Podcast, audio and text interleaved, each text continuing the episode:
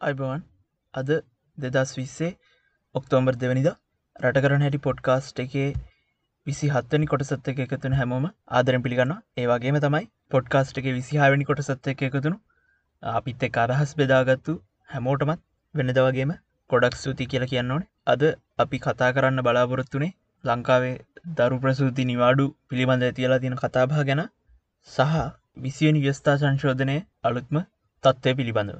ඉතිං අපි අද මුලින්ම කතා කරන්න හිතේ කිව්වගේ ලංකාවේ දරු ප්‍රසූති නිවාඩු පිළිබඳව තියලා තියෙන මේ කතාබා ගැන. විශේෂෙන්ම අලුතෙන් බඳවගත්ත රජයේ සේවකයන්ට උපාධිධාරීන්ට තියෙන දරු ප්‍රසූති නිවාඩු ගාන දින අස්සූ හත්තරින්දලා හතලිස් දෙක දක්වා අඩු කරන්න රජෙන් තීරණයක් කරන්තින සාමාන්‍යෙන් එක්දස් නසි පන සතරේ සාප්පු හා කාරයාල සේවක පනතය හැටියට දරු ප්‍රසූති නිවාඩු දින අස්සූ හතරක් ලබාදීම තමයි නීතිය වෙන්නේ? හැබැයි මේ තීරණ ඇත්ත එක්ක අපි හිතනවා අලුත් රැකියාලාබීන්ගේ අයිතිවාසිකම් උල්ලංඝනය වෙලා තියෙනයි කියලා. ඒක ගැන අපි හිතනවා යම්කිසි සාධාරණයක් රැකියාලාබීන්ට සිද්ධෙන් ඕනි කියලා. හැබැයි එතනින් එහාට කිල්ලා අපි දකින මේ අතරම මන්ත්‍රී.ටල්ක එක ඒ ප්‍රොජෙක්් එක කරන වරයි් රිසර්ච් ආයතනය මේ ළඟදී රිසර්ච්චයක් කරනවා. මේ රිසර්ච්චකින් හොයාගෙන තියෙන දේ තමයි වයසවුරුදු විස්සයි හතලිහයි අතර කාන්තාවක්. රැකියා විරහිතවීමේ ප්‍රවණතාවය. පිරිමි කෙනෙක් රැකියා විරහිතවීමේ ප්‍රවණතාව වගේ හයගුණයකින් වැඩී කියලා. ඒකන්නේ ලංකාවේ වයසරදු විස්සයි හතලිහ අතර හද දෙනෙක් ගත්තත් එහෙම රැකියා විරහිත මිනිස්සු හද දෙනෙක් ගත්තත් එහෙම එමිනිස්සු හද දෙනාගෙන් හය දෙනෙක් කාන්තාව එක්කෙනෙක් පිරිමි. තින් මේ රිසර්ච්ච එකේදී ඒගොල්ලෝ මේ තත්වට හේතු හැටියට ඒගොල්ල දක්වන්නේ ලංකාවේ දරු ප්‍රසූති නිවාඩු ලබාදීම පිළිබඳව තියෙන නීතියේ අඩුපාඩු විශේෂෙන්ම ලංකාවි තියෙන නීතිය හැටියට කාන්තාවකට පිකිවගේ දවස් අස්සු හතරක් නිවාඩු ලබා දෙන්න ඕනේ. ඒ වගේම ඒ නිවාඩු ලබාගන්න කාලය ඇතුළත සම්පූරණ වැටුප හය කරන ආයතනය විසින් ගෙවන්ඩත් ඕනේ. ඉතින් මේ හන්දා ගොඩක් කලාවට මේ සමාජ ඇතිලා තියෙන තත්ත්ව තමයි විශේෂෙන්ම පෞද්ගලිකංශය කාන්තාව සේවයට බඳවාගන්න මැලිවෙනවා. ඉති මේකත් එක්ක අපි අර කිව්ව කාන්තාව වයසරුදු විස්ස හතලි අතර කාන්තාව රැකයා විරහිතවීමේ අවධානම ගොඩක් වැඩි වෙලා තියෙනවා. රාජ්‍යංශයේ බැලුහාම පිරිමි සියට පනස් පහයි කාන්තාව සියට හතලිස් පහයි හැබැයි ඒකම පෞද්ගලික ශේත්‍රයට තිහාවට කියල්ල බැලුවාම පිරිමි සියට හැත්තෑවයි කාන්තාව සීයට තිහයි. ඉතිං මේක ලොකු ගැටලුවක් කලා තින අපිට අපේ අපේ සමාජයේ විශාල කොටසක්. රැකියා විරහිත භාවයෙන් පෙළෙන ඉතින් මේ ගැටලෝ විසඳන්නේ කොහොමද කියනෙක් ගැන අපි හැමෝම කතාවෙන්න ඕනේ. මීට අඩි අවධානයම කරන්නවා ඇතින් මේ රිසර්ච් එකෙන්ම මේ ප්‍රශ්නය විසඳන්න පුළුවන් කොහොමද කියනෙක් ගැන එගොල්ලු හොයල බල්ල තියෙනවා. එගොල්ලො යෝජනා කරන දේ තමයි රජයේ විසින් පෞද්ගලිකංශයේ අර තමන්ගේ සේවකයාට දරු ප්‍රසූති වෙනුවෙන් ගෙවන වැටුප දරන්ඩෝනි කියෙන එක. කොටසක් හෝ දරන්න ඕනි කියෙන මොකද ලෝකයේ රටවල් අනු හයකම දරු ප්‍රසූතිය වෙනුවෙන් කාන්තාවකට නිවාඩු ලබා දුන්නට පස්සේ ඒකේ සම්පූර්ණ වියදමම රජය විසින් දරනවා. ඒවගේම ලෝක රටවල් තිස්තුනක කාන්තාවකට පෞද්ගලිකංශයෙන් නිවාඩු ලබා දුන්නට පස්සේ වියදමෙන් කොටසක් හෝ රජය විසින් දරගන්න. ඉතිං මේ තත්වට එන්න තමයි අපි උත්සාහ කරන්න ඕනේ මොකද එහෙම නැතුව කාන්තාවක් සේවයට බඳවා ගන්නකොට විශේෂෙන්ම පෞද්ගලික ආයතනයක් විසින් හිතනවනම් අපිට මෙයට ළමෙක් කම්බෙනවා නම් මෙයට නිවාඩු දෙන්න සිද්ධෙනවා මෙයට නිවාඩු දෙන්න සිද්ධෙනවායි කියලා කියන්නේ දවස් අසූ හතරක් වැඩ නොකරගෙන අපිට මෙයට පඩිගෙවන්න සිද්ධනොයි කියන තැනට මෙරටේ පෞද්ගලිකාංශය තල්ලුවෙනවනම් රජය විසින් බලන්න ඕනේ මේ ප්‍රශ්නය විසඳන්න අපි කොහොමද සාර්ථක විදිර මැතිහත්වෙන්නේ කියලා. ඉතිං අපි විශ්වාස කරන දේ තමයි සහ මේ රීසච්චකෙන් හවාගෙන තියෙන දේ තමයි රජය විසින් වියදමෙන් කොටසක් හරි මේ පෞද්ගලික ආයතනයනෙන් දරන්්ඩෝනේ මොකද මේ මේ වෙනුවෙන් යන වියදම පොහොර සහනාධාරයට යන වියදමටත් වැඩිය අඩුයි කියලා මේ රිසර්ච් එකෙන් හොයාගෙන තියෙනවා. ඉතිං ඒක නිසා අමුතු වියදමක් යනොයි කියලා කියන්න අපි හිතන්නේ කාටත් මේකින් අවස්ථාවක් තියෙනයි කියලා.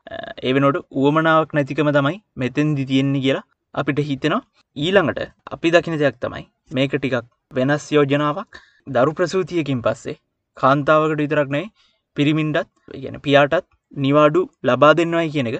මීටඩිය නීතිගත කරන්න ඕනේ. මොකද ලංකාවි නීතියට අනුව දවස් තුනයි පිරිමින්ට දරු ප්‍රසූතියකට පස්සේ නිවාඩු ගන්න පුළුවන්ගෙන්නේ ඉතිං අපි අර්කිගුවගේ යම් කිසි කෙනෙට යම්කි සේවගෙට දවස් අසු හතරක නිවාඩු දෙනට අඩිය දවස් තුනක් නිවාඩු දෙන එක ලාභ නිසා ගොඩක් කලාට පෞද්ගලිකංශලින් කරන්නේ කාන්තාවක් සේවට බඳවාගන්නනට පිරිමෙක් සේවට බඳවාගන්න ඉතිං අපි හිතනා පිරිමින්ටත් මේ නිවාඩු ලබා ගැනීම අනිවාර්ය කරොත් එහෙම සහ නිවාඩු ප්‍රමාණය වැඩි කරොත් එහෙම අපිට පුළුවන් වේවි කාන්තාවන්ට දෙන්ඩ ඕනේ නිවාඩු දවස් ප්‍රමාණය ටිකක් හරි අඩු කරන්න. එතකොට ආයතනයකට ආර්ථික මේ වශයනුත් යම් කිසි මුදලක් ඉතුරු කරගන්න පුළුවන්ගෙන ඒක සති දෙකක පොඩි ප්‍රමා සුළු ප්‍රමාණයකින් හරි අඩු කරගන්න පුළුවන්න ආයතනයට ඒකින් ඇතිවෙන්නේ යම් කිසි ලාභයක්. ඒ වගේම තමයි මේකට සමාජීය වශයනුත් ගැන්නේ පවුලක් ඇතුළේ ඇතියෙන සමාජී සම්බන්ධතාවයන් පැත්තෙන් සලකා බැලුහමත් මේක ගොඩක් හොඳ යෝජනාවක් කියල තමයි අපි හිතන්නේ. දැන් අපි නිතරම ස්කන්ඩනීවින් රටවල් ගෙන කතාරන නොවස් විඩන් වගේ. ති මේ රටවල්වල පිරිමින්ටත් දරු ප්‍රසූති නිවාඩු ලබාගන්න ඕනි ලබාගන්න අවස්ථාව දෙන්න ඕනි කියන නීතිය නීතිකත වෙන්නේ එක්දස් නසි හැත්ත ගණන්වල එතකොට මේක අනූ ගණන්වල තවත් දියුණු කරන්න හන්ද නිවාඩු ලබා ගැනීම අනිවාර්ය තැනට පත් කරනවා. එතකොට මේක බලපෑම ගැන හොයන්න කරපු රිසච්චලින් දැනගන්න දේ තමයි. ගොඩක් කලාවට පිරිමින්ටත් දරු ප්‍රසුතිනිවඩු ලබා ගැනීම අනිවාර කරට පස්සේ කාන්තාව ආයත් ශ්‍රම බලකායට එන එක තමන්ගේ රැකියාවට රිටර්න් එන එක ඉක්මං වෙනවා සහ පැමිණීමේ ප්‍රවණතාවය වැඩියෙන ඒ වගේම තමයි එතනින් එහාට කියට පස්සේ සමාජී වශයෙන් පවුල් ඇතුර තියෙන සම්බන්ධතාවේ මෙතැන්දි ඉහල්ල යනවා. ඉතිං අපි බලාපොරොත්වෙන දැන් දෙදස් දානවේ අයවැන් පොරොන්දුනාවගේම රජය විසින් අනාගතයේදී මේ අවුරුද්ධ දෙදස් විසියක හරි පෞද්ගලිකංශයේ මේ දරු ප්‍රසූති නිවාඩු වෙනුවෙන් කොටසක් රජ්‍ය විසින් දරන්න තීරණය කර කියලා. ඒ වගේම තමයි එතනින් එහාඩ කිල්ල තවත් ප්‍රගතිශීලී වෙලා පිරිමින්ටත් දරු ප්‍රසූතියකින් පස්ස නිවාඩු ලබා ගැනීම අනිවාර කරයි කියලා.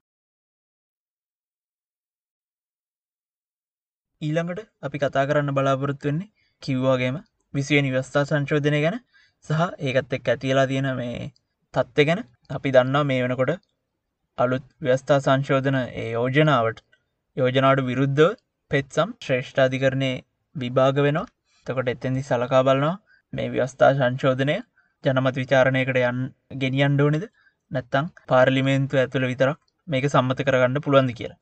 ඉතිං මේක ශ්‍රේෂ්ඨාධිකරණය තුළේ විභාගන නිසා මේක සාකච්ඡාව නිසා අපි මේ සෙක්මට්ටකේදී මේ ගැන අදහස් දක්වන්න යන්නේ නැහැ.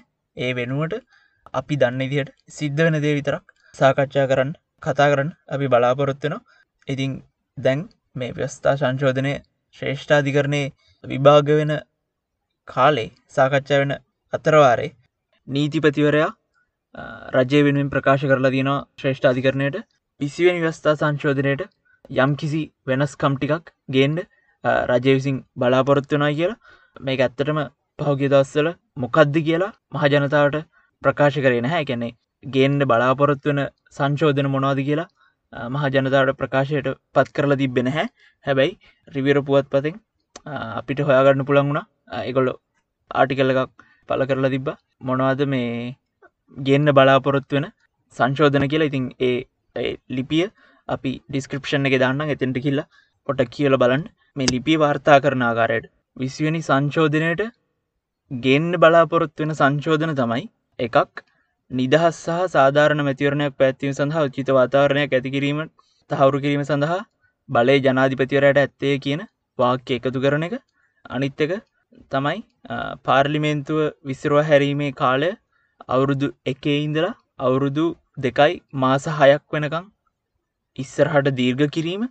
ඊට පස්සේ ජනාධිපති සහ අගමැති කාර්යාල විගණනය කිරීමට ඇති බලය නැවත ලබා දෙනවයි කියන යෝජනාව. ඒ වගේම මැතිවරණ කොමිසමේ සාමාජිකයන්ගේ සංඛ්‍යාව තුනේ ඉඳලා පහ වෙනකං වැඩි කරන එක. ඒ වගේම තමයි මේ පුවත් පතෙන් වාර්තා කරනවා දෙත්ත පුරවසියන්ට පාර්ලිමේන්තුවට එන්ඩ පුළුවන් කියන වගන්තිය ඉවත් කරලා නැහැ කියන එක. මේවා තමයි මේ ලිපියෙන් වාර්තා කරන සංශෝධන ටික. මෙතනින් එහාට ගිහිල්ලා වෙන තවත් යෝජනාවල් තවත් ඉවත් කර ගැනීම් සංශෝධන තියෙනවාද කියලා තරම අපි දන්න නැහැ. එහෙම වාර්තාකරපු තැනක් හොයාගන්න බැරිවුණ සමහරක්කට හෙම තැන් ඇති. හැබැයි එ කොහොමුණත් මේ අපි කියපු සංශෝධන ටික යෝජනා කරලා තියන්නේ මෝෂණ එකක් හැටියට නීතිපතිය රැසින් එකන්නේ රජය විසින් මේ යෝජනා මේ සංශෝධන විසිවැනි සංශෝධනයට ඇති කරන්න එක් කරන්න බලාපොරොත්තු වෙනයි කියලා ප්‍රකාශයක් තමයි මෙතැන්ති සිද්ධලා තියන්නේ. තිං මේ වෙලාවිදි නීතිඥ විරාන් කොරයා මේ ප්‍රකාශය වලංගුණ හැ කියලා කරුණු ඉදිරිපත් කරලා තියෙනවායි කියලත් පත්තරෙන් වර්තා කරලා තියෙනවා. ඉතිං ඒ කොහොමුණත් තත්ත්වයකයි පි එතනින් හාට ඒක ගැන කතා කරන්න බලාපොරොත්තුවෙන් නැහැ. මේ අධිකරණ විසි ශ්‍රේෂ්ඨ අධිකරණ විසින් මේ ගැන තීන්දුවක් ලබා දෙනක අයිතින් ඒ කොහොමුණත් අදට ඒ විදිහට අපි පොඩ්කාස්ට් එක නවත්තනවා. මේ විසිවෙන වෙස්සා සංශෝධනය ගැන මීටඩිය කතා කරන්න කතා කරන බලාපොරොත්තුවෙන් ඊළඟ පොඩ්කාස්ට් එකින් හමුවෙන බලාපොරොත්තුවෙන් අදට අපි මේ පිසෝඩ් එක නවත්තනවා. එහෙනම් අදත් අපිත් එක් එකතුනාට හැමෝටම ගොඩක් ස්තුතියි. එහෙනම් අයිබවන්